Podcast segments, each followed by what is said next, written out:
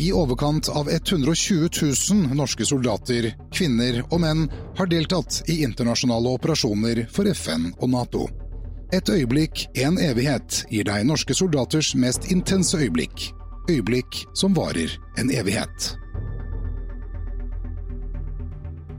Ja, velkommen hit til Et øyeblikk en evighet. Og i denne episoden så skal vi tilbake til 1980 og Libanon. Og med meg i dag så har jeg Gjermund Hagesæter. Velkommen til deg. Takk for det. Du, du hadde jo en ganske intens opplevelse. Altså, Du har vært flere ganger i Libanon, du. Mm. Tre kontingenter, fortalte du. Tre kontingenter. 6, 12 og 32. Så du har liksom opplevd uh, utviklingen i, uh, mm. i den uh, operasjonen vi hadde der nede. Vi kan kalle det en operasjon på 20 år. Ja da, det har vi jo. Attpåtil var jeg også på ferie i Beirut i, i sommer i lag med kona. Så. Altså, så du har sett åssen det har gått? Ja, jeg har sett åssen det har gått. Og det har vel ikke gått så veldig bra de siste årene i i Libanon og Beirut heller. Nei, og det er jo en, eh, en, trist utvikling der. Men vi skal tilbake til 1980. Men før vi går dit, hvordan kom du inn i militæret? Altså, hvordan er din uh, inntreden? Altså, jeg tror vel ikke det, liksom, det var så veldig sånn planlagt alt det. Men min militære karriere var nok ikke sånn, sånn som var veldig planlagt i utgangspunktet. Jeg er jo født og oppvokst på en liten gård i, i Nordhordland med to uh, eldre uh, søsken. en bror som er eldre enn meg, og en søster som er eldre enn meg også en far da, som eh, var, eh, tok, hadde befalsutdanning når var akkurat midt eh, i det løpet når andre verdenskrig brøt ut, og måtte rett ut i, i kamphandlinger med tyskerne. Eller hvor mye kamphandlinger det var, det vet jeg ikke. Men det, det var nok noe som jeg liksom beundra litt og så litt opp til. da, sånn at når jeg jeg gikk ganske tidlig inn i, inn i, Forsvaret. og Broren min han hadde ikke fått noe særlig ut av uh, Forsvaret. Faren min han sa det at uh, førstegangstjenesten til broren min hadde gått opp i Kakebu. Og da bestemte jeg meg for at det skulle ikke min uh, førstegangstjeneste. Sånn at jeg tok den U USK da, og tok en befalsutdanning. Og jeg var også tre måneder som sersjant på, på Skjold da, før jeg da søkte meg og, og dro til, til Libanon som sersjant og lagfører for et lag på, på ti mann.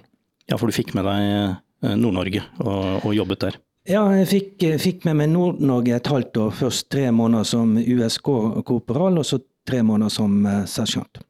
Hvordan var overgangen for deg i, i kontingent 6 i 1980 i Libanon? Altså, det var jo ganske stor Man tenker jo egentlig ikke så veldig mye på hva du møter da, sant? men du kommer jo fra et fredelig land og et fredelig miljø. Og til et der, der, i hvert fall i, i, forhold til Forsvaret, så er det jo teori. Det går på øvelse og, og sånne ting, og, og, og rød plast og alt til, til, et område der du, du møter skarpe skudd og du møter farlige situasjoner og sånt. Men, men samtidig så når man er, var 19 år da jeg kom ned som sersjant og lagfører, og da er man jo litt sånn ja, udødelig kanskje på en måte, uten at man tenker så veldig mye over konsekvensene. Reflekterte du nå over det, at du, du var lagfører og hadde egentlig ansvaret for uh, mm. ti andre. Tenkte du noe på det da du kom ned? M mye mindre enn det jeg sannsynligvis burde gjort. altså. Jeg, jeg tror ikke jeg liksom skjønte helt uh, det store ansvaret det var. Altså, I dag ville jeg nok reflektert langt langt mer over det enn jeg, enn jeg gjorde da. altså. Hvordan var tjenesten når du kom ned? Ble du satt rett ut på jobb, eller fikk du noe tilvenningsperiode, eller var det bånn gass? Nei, Det var mer eller mindre bånn gass. Altså, vi, vi, fikk jo Jeg var jo først eh, tre måneder i, i, i, lagsleiren, da. Der vi var to lag, og så troppssjef for NK og, og, og, og, troppsstaben. Og så var jeg da de siste tre månedene på en egen posisjon, da, der det var bare laget mitt som var da. For de som eh, hører på, som har vært der nede, så kan du jo si hvor du, hvor du var hen. Ja, ja, ja. Mm. Jeg var i, eh, i, i topp 1 i KPA da. Og, og, dette var i nummer 6 da, og vi holdt til da mellom Rashaya og, og Ferdis. Det var jo et punkt der hvor, var, hvor PLO hadde en, ja. en posisjon. Inn, innenfor, inn i vårt område, inn i UN-sonen, FN-sonen, så vi skulle egentlig holde fri for væpna personell. da. Der var det en liten sånn PLO-base som het Reire.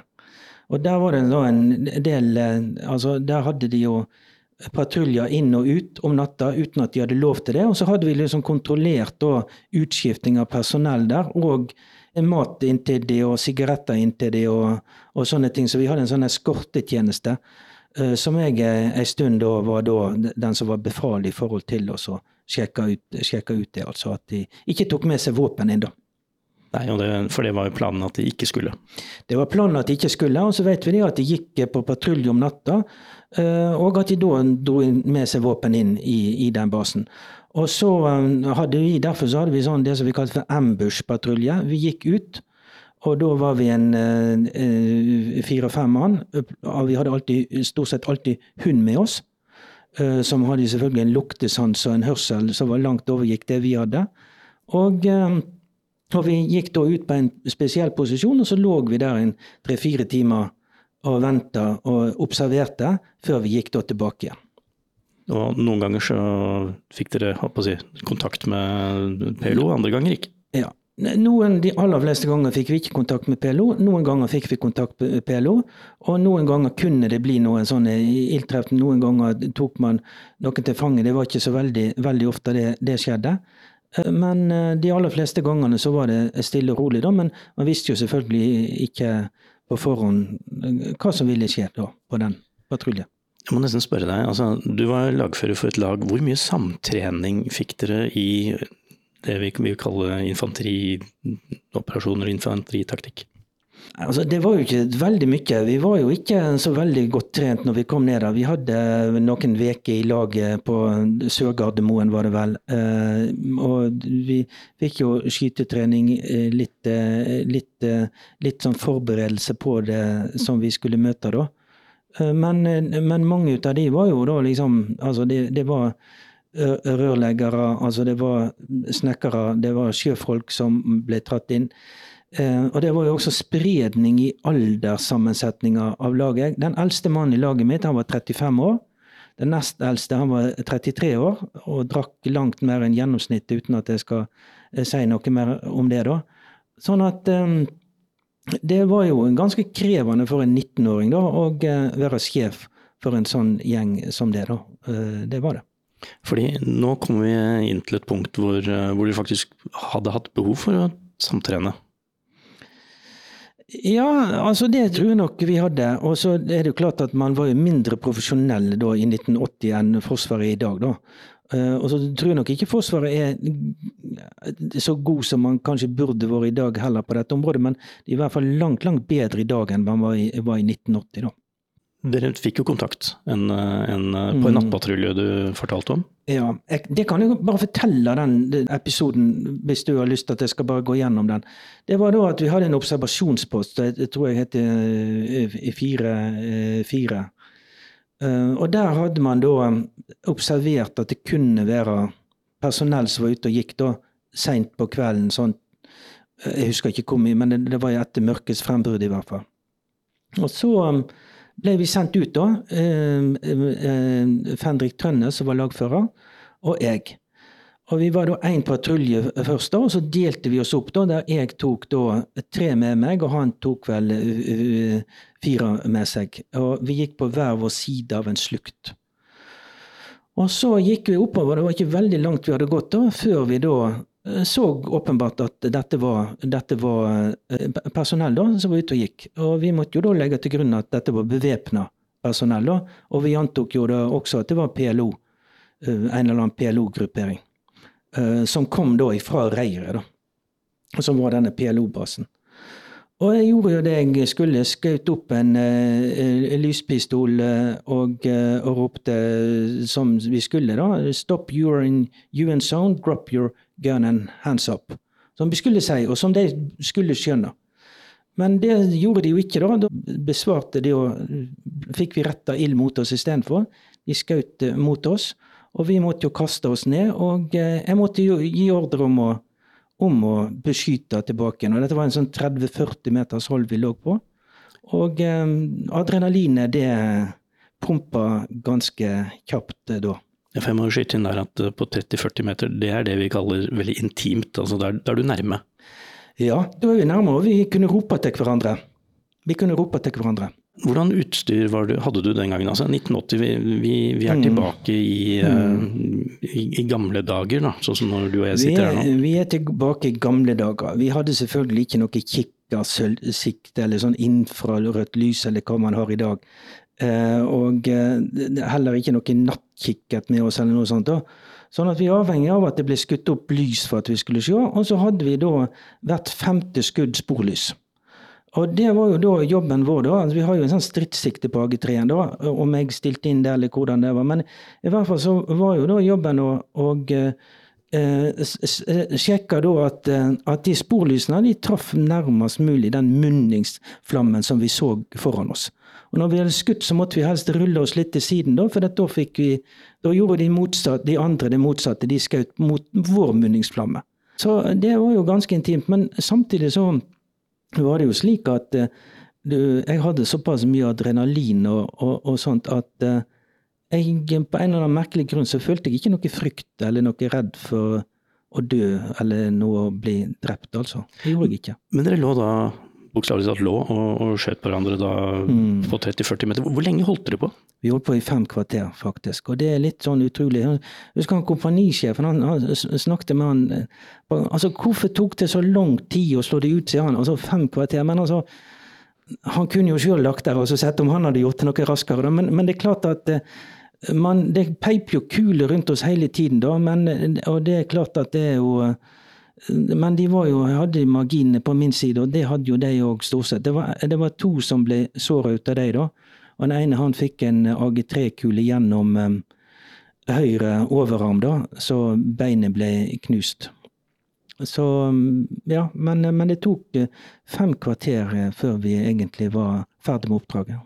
Det er lenge å være i en, i en, ille ja, trefning? Det, mm, veldig lenge, men samtidig så føltes det ikke så lenge.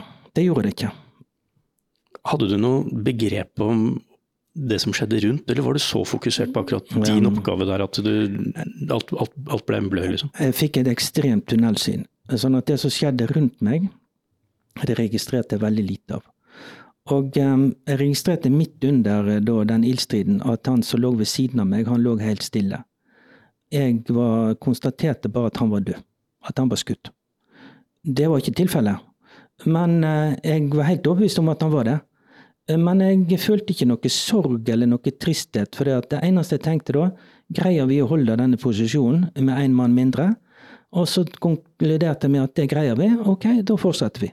Så det var rett og slett ikke tid til å liksom bruke noe sorg eller bli lei seg for at, at en soldatkamerat da, som jeg trodde da var skutt og drept da, at han var gått bort da, det var rett og slett ikke, ikke plass til den type følelser i den ildstriden. Og det var jo heldigvis ikke tilfellet heller? Nei, det var heldigvis ikke tilfellet. Han eh, begynte å bevege seg på seg da eh, etterpå, da. Så jeg lurer på om jeg sa å ja, du lever, ja. Jeg trodde du var skutt, jeg. Et eller annet sånt. Og nei, nei, jeg lever, så. Men han hadde vel fått litt, eh, litt nerve og, og fraust i seg, eller det, hva som skjedde. Vi er skrudd sammen forskjellig og må reagere forskjellig på ulike situasjoner. Men i løpet av disse, denne drøye timen da, som dere holdt på, så eh, var det bare sånn å ligge og skyte på blink, eller var det andre ting som altså, Man prøver jo gjerne å få overtaket. Var det noen som prøvde å eh, kaste eksplosiv f.eks.? Ja, ja. Mm. Vi hadde noen sjokkhåndgranater, men det tror jeg ikke vi fikk tid til å ta med oss ut. Men de hadde splinthåndgranater som de kasta på oss, da. Men det var jo slukt mellom oss. da. Heldigvis så greide de ikke å kaste over oss da, på den ideen, sånn at den ramla liksom ned i slukta. da og så blir den sprengt der, da. Sånn at uh, vi ble ikke ramma ut av noen splinter. Men det kunne jo gjort uh, at den ble atskillig kortere og i vår disfavør. Så etter da, som du sier, fem kvarter, så, så fikk dere overtaket? Mm. En, ja. av, en av motstanderne falt? Ja. Vi fikk vel overtaket kanskje litt før men det var fem, fem kvarter. Det var da vi eh, på en måte Ja, da ble opphørt eh, ilden fra de, og vi, og vi hadde en sånn fremrykning, da. Og Jeg husker en gang den, enda den fremrykningen, og, og Trønnes også, han rykte frem fra en annen side med sine folk. da. Og Jeg husker det at da kastet jeg meg ned og gjorde akkurat sånn som jeg hadde lært å rulle rundt. ikke sant? Og eh, opp igjen og ja, observerte, og så videre fremover og kasta seg ned. Så. Og dagen etterpå så, så jeg at hele overkroppen min var jo blå, av blåmerke. Men det hadde jo ikke jeg merka når jeg kasta meg ned på disse steinene da, sant? altså fordi at eh, det var helt andre ting jeg hadde fokus på. Ja, Vi må skyte inn her at uh, vi hadde jo, vi som var der nede, vi hadde jo ikke noe moderne vester som tar imot noe slag og sånn. Det det var vel uh, vanlig grunnutrustning som, som hang på. Ja, om jeg hadde vel kanskje en sånn, en sånn splintsikker vest, men på en eller annen måte så tror jeg ikke den hjalp så veldig mye, altså, i forhold til det da. Så. Hva tenkte du når du så resultatet? Når du kom fram til, uh, Nei, til altså Vi så jo det at um, det var De var Ja, vi Jeg vet ikke, du, du får en sånn blanda følelse på en måte at mellom uh, litt sånn sinne og glede, sant. Du er jo uh, sint uh, fordi at noen har prøvd å ta livet av deg og dine soldatkamerater. De burde bare overgitt seg når vi ropte at de, når jeg ropte at de burde gjøre det. At de skulle gjøre det. Um, og så er det sånn også en glede da over at de ikke hadde greid det, da. At det var vi som hadde lykkes. Altså, du får jo en sånn Ja, vi har gjort det vi, har gjort det vi skulle gjøre.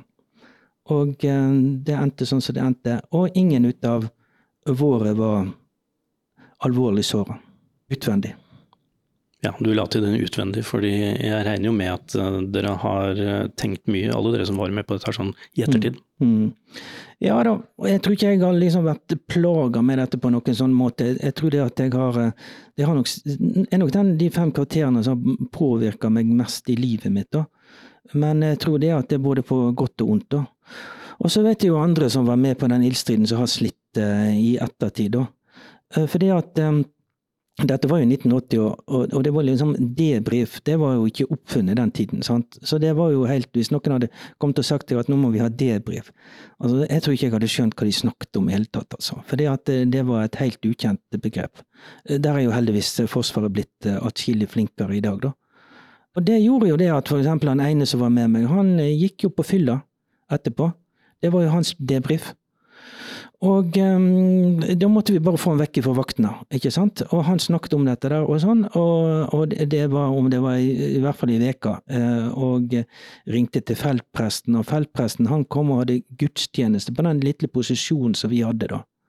Og det var jo kanskje den eneste debrifen vi hadde, altså en gudstjeneste med fire-fem stykker da, som uh, var til stede da. Uh, og, og det, var for så vidt en god, en god opplevelse, da. Men du har nok litt uh, mer uh, organisert debrief i dag. Ja, du følte ikke helt den boka man bruker i dag, det, det kan vi vel få lov å skyte inn her. Ja, ja. Men du ble jo ikke så voldsomt uh, satt ut, du, for du, du dro tilbake igjen til livet. Altså, du fullførte selvfølgelig tjenesten ja, du hadde mm. i kontingent 6, og så mm. kom du tilbake i kontingent 12? Mm. Kom jeg tilbake igjen som NK-tropp i Kaukaba. Fenrik og NK-tropp. Hadde du noe hvordan kjentes det å komme tilbake igjen? Hadde, hadde, du fått disse fem kvarterene dine på nok avstand når du kom ja. neste gang? Mm, det, det, føler jeg at jeg hadde. Og eh, det var jo helt annen, eh, en helt annen situasjon i, i Sør-Libanon da. Sånn, det var jo ikke noe sånn Altså, du hadde ikke denne der med PLO i, i nord og, og um, Haddad og South Libanese Army i sør og, og alt dette som drev og skjøt på hverandre og, og med sånn. Så det var jo mye roligere på mange måter, da. Eh, sånn at det var ikke de, de partene som jeg var vant til å oppleve i første kontingenten, da. Så, så, det var en helt annen situasjon, da. Hadde du noen voldsomme incidenter i Tollvern? eller var det mer en rolig, rolig affære? Mm, mye, mye roligere det. Så det var noen sånne små sånne konfrontasjoner med at disse her South Libanos Army, eller de facto force, eller hva vi kalte det for. det Man skifta navnet på dette hele tiden. Så prøvde å provosere seg å komme inn i vårt område og med våpen og sånne ting. Så. Men det var liksom mellom oss og deg, da, sånn at det var ikke Ja, så det, det var um, det, var ikke noe sånne alvorlige der jeg følte liksom livet var trua verken til meg eller til andre, altså. Men så fortalte du etterpå at du, du, begynte å bli advokat. Du tok uh, jusutdanning? Jeg tok jusutdanning, ja. Uh, jeg, da, jeg, jeg, var vel da i Forsvaret til jeg ble løytnant, og så tok jeg uh, utdanna meg til jurist. da. Og så var det ned i NOBA 32 da som S5, juridisk rådgiver. Og sivilkontakt. Det må jo ha vært ganske spennende for deg å gå fra da mm. uh, disse intense opplevelsene i kontingent 6, og så plutselig være en, en, en, person som sitter oppe i staben og som har kontakt med ut til det sivile i, mm. i kontingent 32? Ja ja, men jeg har dekka ganske mye ut av eh, Og det er jo derfor liksom Libanon betyr mye for meg, på en måte, og en vil alltid være en del ut av meg. Og det er kanskje derfor liksom altså Det er jo mange liksom naboer som lurer på hvor liksom har du vært på ferie, i Spania eller Hellas eller sånt. Nei, vi har vært i Beirut. Sant? Eh, det er jo liksom ikke helt, eh, helt normalt, det, da. Men men jeg syns jo det er et, eh, et, spennende land som jeg har tilbrukt masse tid. Og, og kona mi syns også det. Jeg, jeg og hun vi har vært flere, altså to, to, ganger til Libanon i lag, da. Sånn at, eh, ja. Er det en slags terapi for deg, at du ikke mm. slipper helt taket, eller, eller, eller, er du bare generelt interessert i, i landet? Nei, altså, jeg tror vel det at denne, denne ildstriden liksom har påvirka meg mer enn kanskje jeg ville innrømme til, til første, den første tiden etterpå. da. Og jeg følte vel det at når jeg og hun vi var der nede i, i 2011 og vi gikk ut og så på hvor jeg lå i den ildstriden, så følte jeg det som en liten sånn terapi for meg, altså. Jeg følte det var en veldig god opplevelse, og på en måte ja, griper tak i det og viser det til, til kona, og, og på en måte legger det enda mer bak meg, da. For jeg har jo aldri blitt eh, jeg har jo aldri blitt liksom direkte altså jeg, jeg føler jo det at jeg har greid meg bra, og at det, dette har ikke påvirka Altså det har nok påvirka meg, men, men, kanskje både på godt og vondt. da.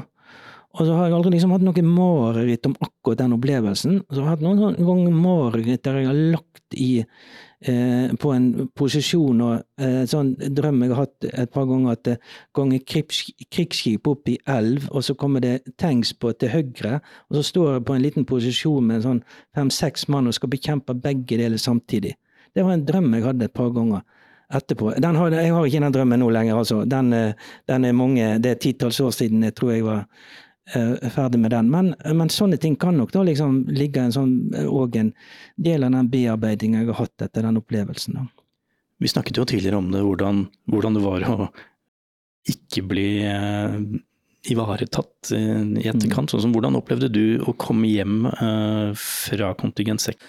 Nei, altså det, det, man fikk ikke noe oppfølging eller noe sånt. Jeg hadde for så vidt, vil ikke si at jeg hadde behov for oppfølging, men det var en del som hadde behov for oppfølging. Og, og jeg har kontakt med noen av de som er vant i sekseren fortsatt. Eh, blant annet en, jeg sier ikke noe navn, men en som jeg har uh, uh, snakket med på telefon to-tre ganger faktisk bare de siste 14 dagene.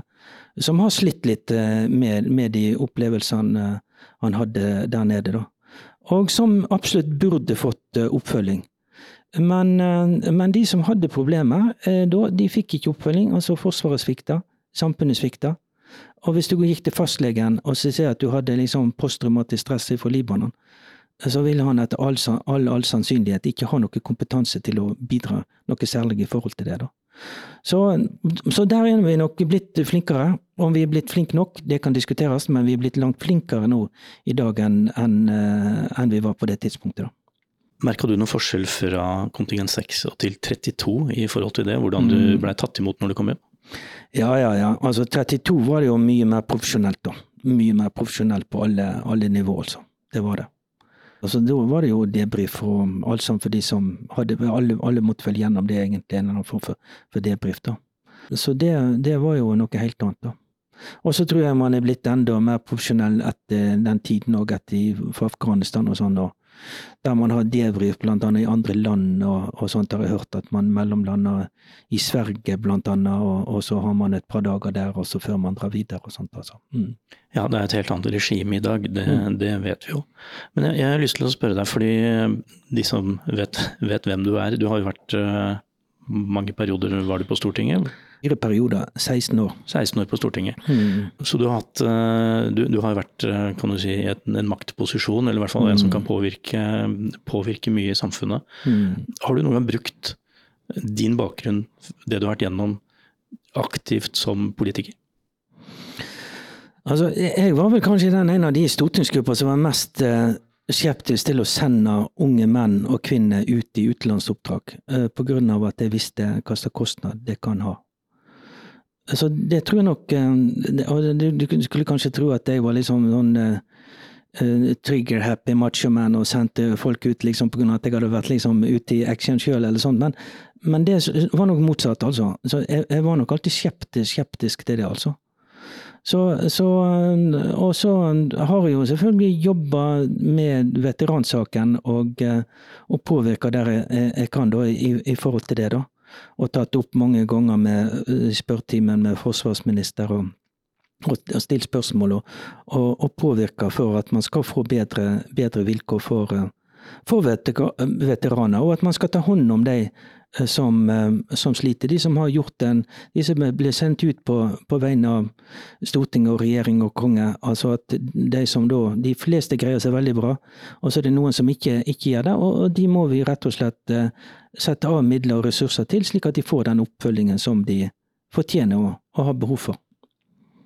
Nå vet jeg, Det er mulig jeg har utelatt noen, men eh, fra vår generasjon, din generasjon, så vet jeg at det i hvert fall har vært tre aktive Unifil-veteraner som har sittet på Stortinget. Eh, mm. Vært på Stortinget. Det er jo det er deg, og så er det Per Sandberg, og så er det Frank Bakke-Jensen. Mm. Snakket dere sammen noe om, eh, om tjenesten og opplevelsen og sånn på tvers av hvor dere nå var hen? Ja da, det gjorde Bakke-Jensen og jeg. Vi snakket nok litt om det. Sånt, men mest jeg og Per vi snakket nok en god del. Vi var noen ganger ute og tok en øl i lag og, og snakket litt om opplevelsene vi hadde i Libanon. Så det var nok en av den eneste ut av de som har liksom direkte ildstrid og blitt eh, ja, forsøkt drept eller skutt eh, sånn av. Men, eh, men vi hadde jo litt felles opplevelser òg på andre områder. sånn at um, vi snakket litt om det, spesielt jeg og Per. Vi snakket en god del om, om det. Det gjorde vi. Du bruker, bruker, termen at eh, du opplevde at noen forsøkte å ta livet av deg og mm. under denne trefningen. Det har du sagt flere ganger nå. Er det noe du kjenner på dypt inn, at du har vært eh, utsatt for at noen forsøkte å drepe deg? Nei, jeg vil ikke si at jeg, jeg, kjenner ikke, jeg kjenner ikke noe sånt på det nå, men altså, det er kanskje min måte å formulere meg på. Da, at jeg er liksom mer sånn kalle en spade for en spade, eller sånn. Jeg kunne sikkert brukt mer diplomatiske uttrykk enn det, da. Og, og jeg føler ikke noe nag på noen måte. Jeg mener jo for så vidt det at eh, de feilvurderte situasjonen, og at de burde overgitt seg og ikke starte en ildstrid, eh, som de tapte. Eh, men, men jeg ber ikke noe nok til dem, og jeg har tenkt mye på det at han som da ble hardest såra, og som vi da fikk melding om altså, flere år etterpå at han døde på vei til sykehuset.